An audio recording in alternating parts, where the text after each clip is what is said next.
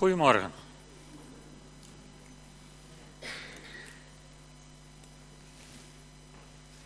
We gaan het vandaag hebben over een profetie van Odet. Opnieuw zo'n kleine, onbekende profeet uit het Oude Testament. En we vinden Odet in 2 Kronieken 28.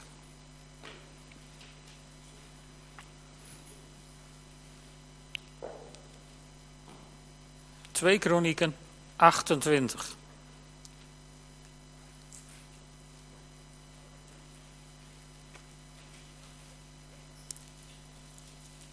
We beginnen met koning Agas. Agas was 20 jaar oud toen hij koning werd. 16 jaar regeerde hij in Jeruzalem. Hij deed niet wat goed is in de ogen van de Heer, zoals zijn voorvader David, maar volgde het voorbeeld van de koningen van Israël. Hij ging zelfs zo ver dat hij godenbeelden maakte voor de Baals.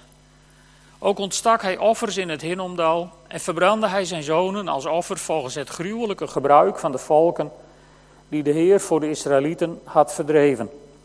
Hij bracht offers en brandde wierook op de offerplaatsen, op de heuvels en onder elke bladrijke boom. De Heer zijn God leverde hem uit aan de koning van Aram. De Arameërs versloegen hem en voerden een grote groep gevangenen naar Damascusweg. Vervolgens werd hij overgeleverd aan de koning van Israël, die een grote overwinning op hem behaalde. Pekach, de zoon van Remaljahu, doodde in Juda 120.000 man op één dag, allen geoefende krijgslieden, omdat ze zich van de Heer, de God van hun voorouders, hadden afgekeerd. Sikri, de held van Ephraim, doodde Maasea, de zoon van de koning, Azrikam, de hofmeester, en Elkana, de rechterhand van de koning. De Israëlieten voerden 200.000 vrouwen, zonen en dochters van hun broeders als gevangenen weg en ontroofden hun een grote buit die ze meenamen naar Samaria. In Samaria woonde een profeet van de Heer, Odet genaamd.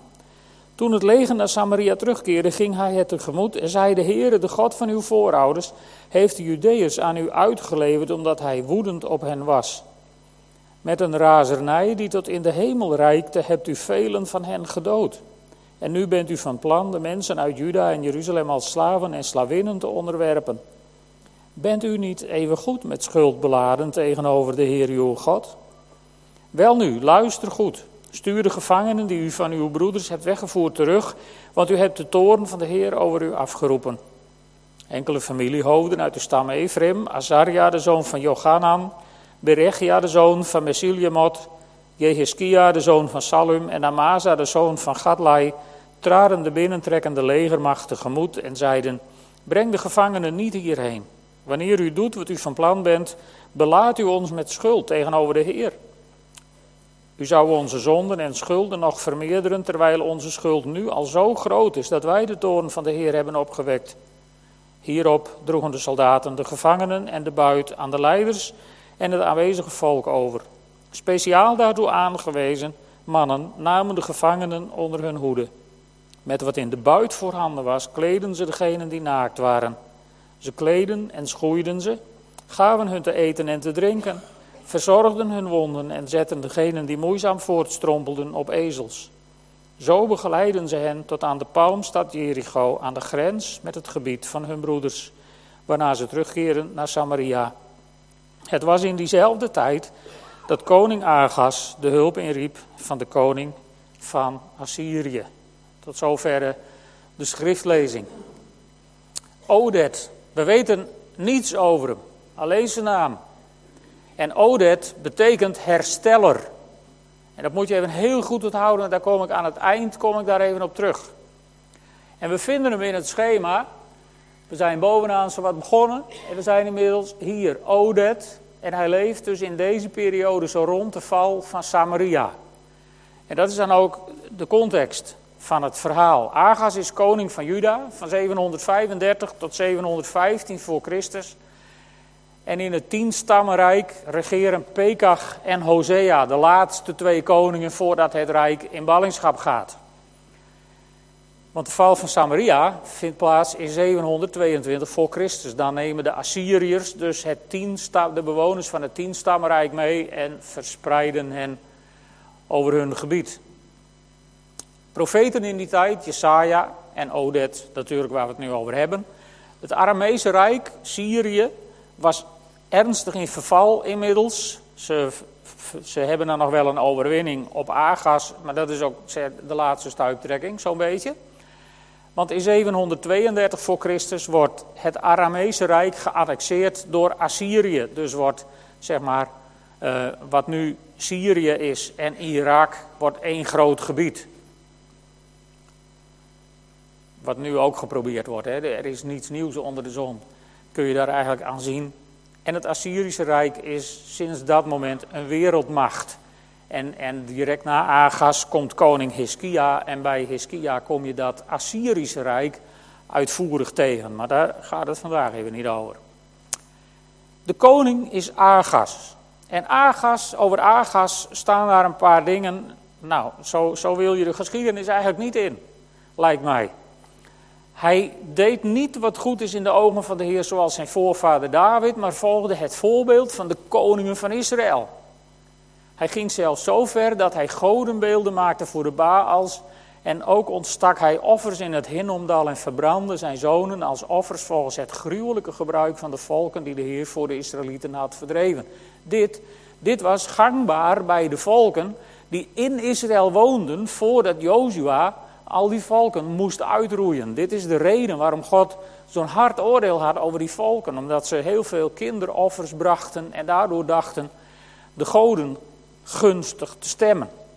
Nou, en dan zien we, hebben we al eerder bij stilgestaan, je hebt twee soorten koningen in de boeken Koningen en Kronieken. Je hebt koningen die doen wat goed is in de ogen van de Heer en je hebt koningen die dat niet doen. In Juda wordt daar telkens bij gezegd, ze volgden het voorbeeld van hun vader David, of niet, zoals er in dit geval staat. In de verhalen over de koningen van de tien stammen van het noordelijke rijk staat ze volgden het voorbeeld van Jerobeam, of niet. En hier hebben we Agas, de verpersoonlijking van het kwaad, zou je bijna zeggen, want Agas combineert het slechte van beide. Hij volgt niet het voorbeeld van zijn vader David, maar hij volgt wel het voorbeeld van Jerobeam en doet daar nog een paar schepjes bovenop, zodat hij zelf zijn zonen offert. En dat brengt je dan bij de vraag, als je zoiets leest, hoe komt iemand zo ver? Hoe haal je het in je hoofd? Want maak mij niet wijs dat Agas een koning was die niet om zijn zonen gaf. Ik geloof niet dat hij zonder een gebroken hart zijn zonen offerde en, en dat hij dat met droge ogen deed. Hij was toch ook een mens met gewone menselijke gevoelens. Maar hoe komt het dan dat mensen het uitsloven voor God of wat ze voor God houden, zo makkelijk inruilen voor genade? Nou, ik denk dat dat komt, dat stuk hebben we ook al eerder gelezen de afgelopen zomer. Dat komt omdat wat staat in 2 Koningen 17, vers 9. Ze hielden er onjuiste denkbeelden over de Heer hun God op na. En hier in dit verhaal zie je waar dat in het ultieme geval toe kan leiden. Een verkeerd beeld van God. Dat leidt tot hele verkeerde acties voor God. Omdat we gaan denken dat we God gunstig moeten stemmen door allerhande dingen. Maar weet je, God is niet te koop. En genade en heil en heiligheid is niet te koop. Zolang je dat probeert te bewerken, leef je uit het vlees. Dat kun je niet bewerken. Dat is een, dat is een geschenk van God. Dat is een vrucht van de Heilige Geest. En als je je daarvoor openstelt, dan doet God deze dingen in je. Dat is het wonderlijke van geloof. Maar het vraagt wel een, een, een goed beeld van God. Dus we moeten er vanaf dat we God gunstig moeten stemmen, dat we van alles moeten doen, dat je God ja, aan jouw kant zou kunnen krijgen door jouw gedrag. Dat gaat niet. Je hebt God al aan je kant door het offer van Jezus Christus. En door je gedrag, zelfs door je allerbeste zondagse gedrag, vervreemd je God nog van jezelf. Goed, en dan komt Aram. De heren leveren hem uit aan de koning van Aram, wat ik al zei, de laatste stuiptrekkingen. Er worden veel mensen weggevoerd, het was in die tijd gewoonte dat je gevangenen meenam in kruisgevangenschap of, of je deporteerde bevolkingsgroepen vanuit, vanuit de filosofie. Als je mensen naar een vreemde omgeving bracht waar ze niemand kenden en niks wisten en de weg niet kenden, dan waren ze minder gevaarlijk dan in hun eigen terrein. En goed, en dan komt Pekach, de koning van Israël, die een grote overwinning behaalt op, dit, uh, op, op Juda. En, en er staat, je, je, moet die getallen eens even op je in laten werken. Ik wil, we, zien, we zien tegenwoordig in het nieuws veel over ellende en over oorlogen. En, en we horen over 2000 slachtoffers in Gaza. Verschrikkelijk, ik wil daar helemaal niks aan afdoen, want het is een drama. En je hoort over duizenden doden in Syrië en in Irak. Maar je moet dit getal eens op je in laten werken. Hij doodde in Juda 120.000 man op één dag. De Veiligheidsraad zou zich geen raad weten als dit vandaag de dag zou gebeuren. En dan, alsof het niet genoeg is, nemen ze 200.000 vrouwen, zonen en dochters van hun broeders als gevangenen weg. Een derde van de bevolking van Friesland. Laat dat eens op je inwerken. Wat een enorme schare mensen dat is geweest, die verslagen en mishandeld en misschien wel verkracht en eh, weet ik veel, lopend mee moesten naar Samaria. Als je alleen al naar die getallen kijkt, dan denk je wat een hopeloosheid, wat een uitzichtloosheid, wat een, wat een toestand. En dan komt Odet in actie. Hij woonde in Samaria en hij gaat dat leger tegemoet. En dan zegt hij, de Heere, de God van uw voorouders, heeft de Judeërs aan u uitgeleverd, omdat hij woedend op hen was. Maar met een razernij die tot in de hemel reikte, hebt u velen van hen gedood. Ze kennen natuurlijk het Nieuwe Testament nog niet, maar in Efeziërs 4, vers 26 staat dat je in je boosheid niet moet zondigen. En dat wordt hun hier verweten. Weliswaar had de Heere God toegelaten dat zij dat zij als soort strafmaatregel Juda mochten aanvallen en belegeren. Maar kennelijk zijn ze ver over de schreef gegaan van, van wat God had bedoeld. En dat zie je nog een paar keer in de Bijbel. Koning Sanherib, die, die dus een paar jaar later Jeruzalem belegert in de tijd van Hiskia, die krijgt van God hetzelfde woord. In 2 Koningen 19 kun je dat lezen. Dat eerst zegt God van, heb je niet gehoord dat ik dit heb beschikt? Met andere woorden, Sanherib moet even heel goed begrijpen dat wat hij doet een actie van God is. Niet zomaar zijn verdiensten, maar God heeft hem de ruimte gegeven om volken te straffen en, en, en dingen te doen. Maar in vers 28, daar zegt God tegen Sanherib, ik zie je zelf genoegzaamheid en je razernij is tot mijn oren doorgedrongen. En als u de geschiedenis leest, de geschiedenisboeken leest over koning Sanherib, dan, dan, dan zijn ISIS een partij schoothondjes. Wat Sanherib deed met mensen, het is bekend, het paleis van Sanherib was behangen, het behang aan de muren was van mensenhuid. En hij was gewend om zijn kruisgevangenen en de bevolking van een stad die hij had veroverd, om die levend te vullen. Net zoals in Canada de zeehondjes. En daar versierde hij zijn paleis mee. Met zo'n mens hadden we hier te doen. En weet je, je kunt alle razernij van de wereld loslaten op mensen. Zelfs als je dat in opdracht of met toestemming van God mag doen. Je kunt daar je razernij wel op loslaten. Maar dat wil nog niet zeggen dat God het daar dan mee eens is. En hij krijgt dit verwijt. En nog eerder, veel eerder in Genesis verhaal kennen jullie misschien ook wel. Als, als Jacob met zijn gezin terugkomt in het beloofde land. Dan krijgt Dina, die krijgt verkering met een jongen uit een stad. En in de Bijbel staat, ja, hij verkracht haar. Of in ieder geval, ja, hij ging met haar naar bed voordat ze getrouwd waren. En uh, zonen van Jacob die zeggen, nou, als alle mannen van de stad zich nou laten besnijden, dan gaan we een huwelijk toestaan. En als die mannen ja, van besneden worden, word je niet vrolijk. Dus na, na een dag of wat waren die mannen in de toenmalige hygiënische toestanden redelijk ziek. Dan doden Simeon en Levi alle mannen die in de stad wonen. En als Jacob op zijn sterfbed Simeon en Levi moeten zegenen, dan zegt hij: Vervloekt zij hun grimmige woede, vervloekt hun ontembare razernij. Dus, lieve mensen, zondig in je boosheid niet, want razernij is kennelijk een ergernis in de ogen van God. Boos worden, dat mag, maar er zijn grenzen. Paulus schrijft in Galaten 5, vers 15 dat ook wanneer u elkaar aanvliegt, pas dan maar op dat je niet door elkaar wordt verslonden. En hoe makkelijk kunnen we elkaar niet aanvliegen? Hoe makkelijk kan het niet, niet, niet escaleren als je het ergens niet over eens bent? Zeker in deze tijd van e-mail, waarin we dat zwart op wit naar elkaar sturen, zonder dat je er een gezicht bij kunt zien en een stemming kunt proeven. Het is het meest gegarandeerde middel om een conflict te krijgen. En het gebeurt maar al te vaak, ook in de kerk. Laten we, laten we daarvoor oppassen met elkaar, dat dat niet gebeurt. En, en, en, en weet je, ik vind deze woorden zo, zo mooi van Odet. Hij zegt tegen, tegen die mensen die terugkomen met 200.000 gevangenen: Bent u niet even goed met schuld beladen tegenover de Heere uw God? Wat een vraag. Dat vraagt om zelfkennis, dat vraagt ervoor dat je, dat je even je focus haalt van diegene op wie je woede is gericht. En dat je in de spiegel jezelf eerst eens goed gaat aankijken van ben ik niet even goed met schuld beladen voor u Heer. Wat een gebed zou dat zijn voordat je een conflict überhaupt met iemand aangaat.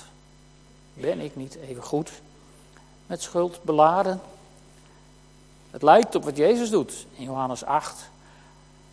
Het beroemde verhaal over de overspelige vrouw. En als ze blijven aandringen, dan staat er, zegt Jezus tegen hen, wie van jullie zonder zonde is, laat die dan maar als eerste de steen gooien. En hij bukte zich en schreef op de grond. En toen ze dat hoorden, gingen ze weg, één voor één, de oudsten het eerste. Dus er was nog wel enige zelfkennis. Want ze snapten het. Ik heb niet het recht. En in Filippenzen 2, vers 3, er staat die mooie tekst in de nieuwe Bijbelvertaling, staat dat je de ander in alle bescheidenheid belangrijker moet achten dan jezelf. De herziene statenvertaling heeft het over voortreffelijker. En dat zijn allemaal van die hoge stappen misschien. De Engelstaligen die maken het wat dat betreft veel toegankelijker. De New International Version en ook de King James, die zeggen consider others better than yourself. Nou, dat iemand beter achten dan jezelf, dat is, dat voortreffelijker is misschien voor velen voor ons een lat die direct zo hoog ligt maar een ander beter. En Luther die zegt het helemaal mooi. Die zegt dat je door deemoed, dus door, door uh, ja, deemoed is ook een Nederlands woord volgens mij. Dus door, door, door nederigheid de ander hoger acht dan jezelf. Kunnen we dat? Dat is eigenlijk een gewetensvraag. Kunnen, kunnen we dat? Of vinden we, als, als het ergens om gaat, onszelf het belangrijkste? Als ik van rechts kom en een ander komt van links en die geeft mij geen voorrang, dan rij ik toch door. Want ik. Of kunnen we dan die ander de ruimte geven? In zijn vergissing waarschijnlijk. Misschien moet je je dan eens afvragen: ben ik niet even zo goed met schuld beladen? Ik heb me ook wel eens vergist, waarbij het dankzij de alertheid van de ander goed is gegaan. Kunnen we dat?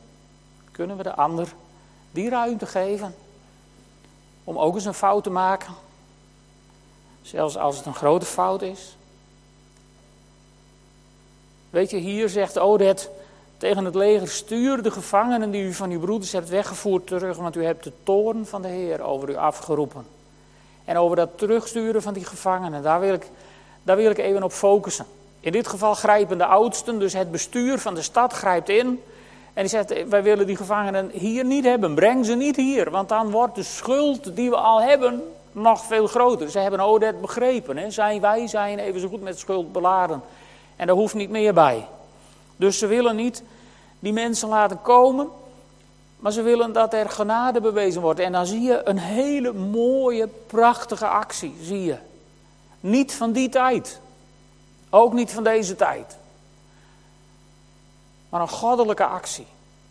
Want met wat in de buit voorhanden was, wij zouden natuurlijk met ons westerse negativisme misschien zeggen, ja, een sigaar uit eigen doos, zo kun je goedkoop iemand helpen. Maar, maar vergeet dat nog even. De oorlogsbuit was het enige salaris wat een soldaat in die tijd kreeg. Dus ga er nou eens vanuit dat dit uit hun oorlogsbuit werd betaald.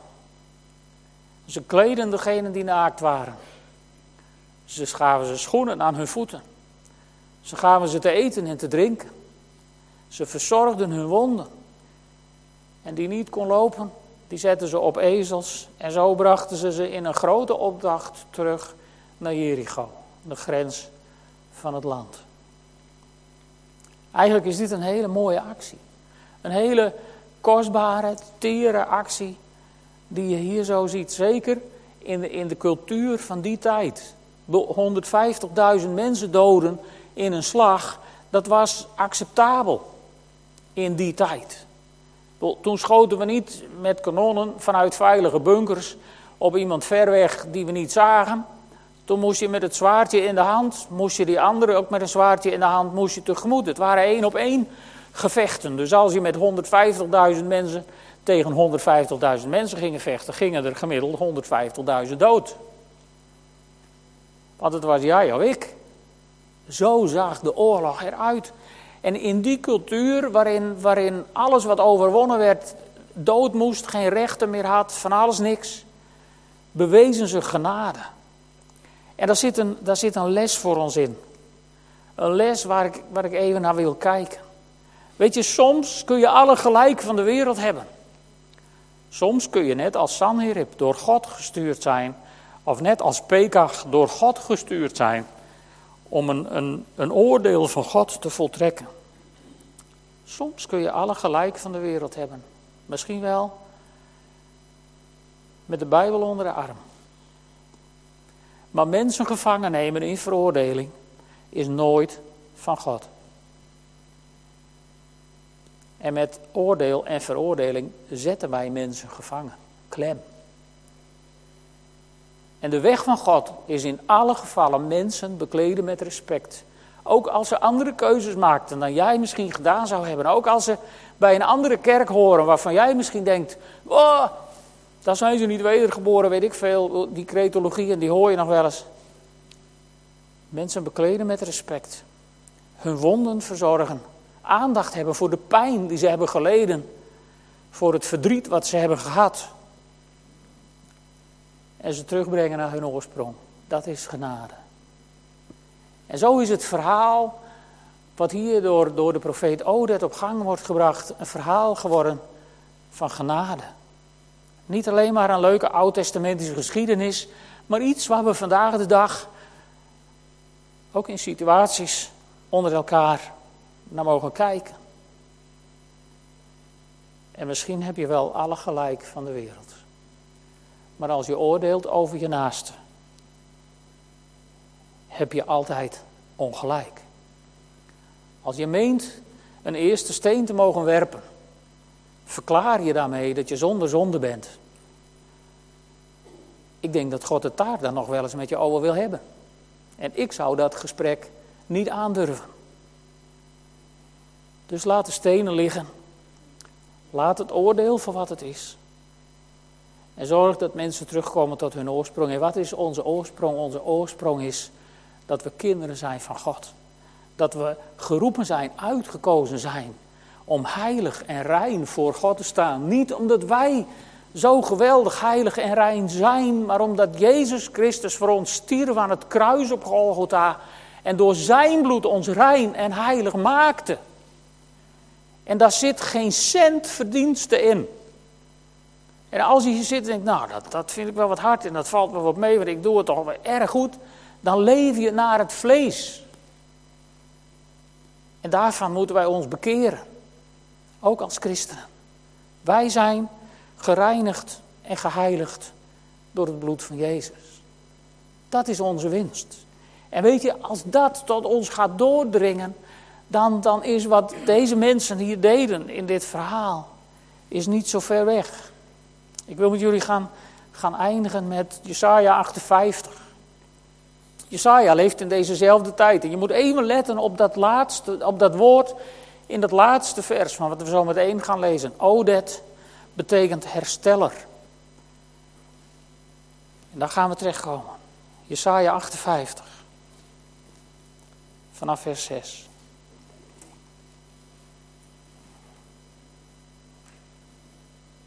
Een bijbelgedeelte wat mij mijn hele leven, tenminste mijn hele evangelische leven, laat ik het zo zeggen, al achtervolgt.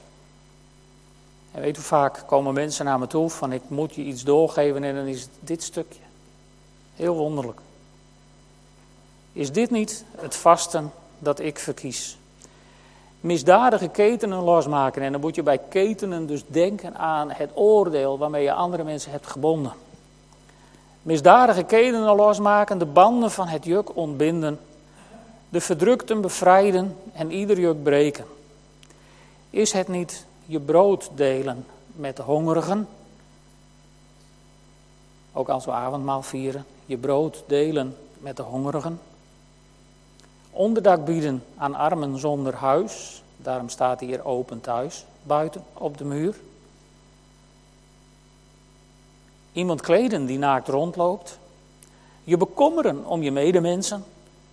Niet om je medebroeders en zusters staat hier, maar om je medemensen. Dan breekt je licht door als de dageraad. Zouden we dat niet willen? Is dat niet een verlangen dat we allemaal hebben? Dat het licht van God gaat doorbreken als de dageraad. Je zult voorspoedig herstellen. Je gerechtigheid gaat voor je uit. Niet jouw eigen gerechtigheid, maar de gerechtigheid die je door de inwoning van de Heilige Geest hebt gekregen. Dat is Gods gerechtigheid. De majesteit van de Heer vormt je achterhoede. Dan geeft de Heer antwoord als je roept. Als je om hulp schreeuwt, zegt Hij: Hier ben ik. Wanneer je het juk van de onderdrukking uitbandt, en let op dit stukje, de beschuldigende vinger en de kwaadsprekerij. Wanneer je de hongerige schenkt wat je zelf nodig hebt en de verdrukte gul onthaalt, dan zal je licht in het donker schijnen. Je duisternis wordt als het licht van het middaguur. De Heer zal je voortdurend leiden. Hij zal je verkwikken in dorre streken. Hij maakt je botten sterk en krachtig. Je zult zijn als een goed bevloeide tuin, als een bron waarvan het water nooit opdroogt, of zoals de NBG het zegt, waarvan het water niet teleurstelt. Je eigen mensen zullen weer opbouwen wat al eeuwenlang verwoest ligt. Fundamenten door vroegere generaties gelegd, zullen weer worden hersteld. Dan zal men je noemen hersteller van muren, herbouwer van straten. Als ik nadenk over het thema Huis van Genade, dan is dit waar het over gaat. Een plek waar het licht van God gaat schijnen, waar ruimte is voor de krachtige werking van de Heilige Geest, door de manier waarop we met elkaar omgaan. Alle hindernissen opruimen, muren en straten herstellen, zodat mensen de weg tot God mogen vinden. Want uiteindelijk zijn wij daarvoor op deze wereld. Zullen we samen gaan bidden?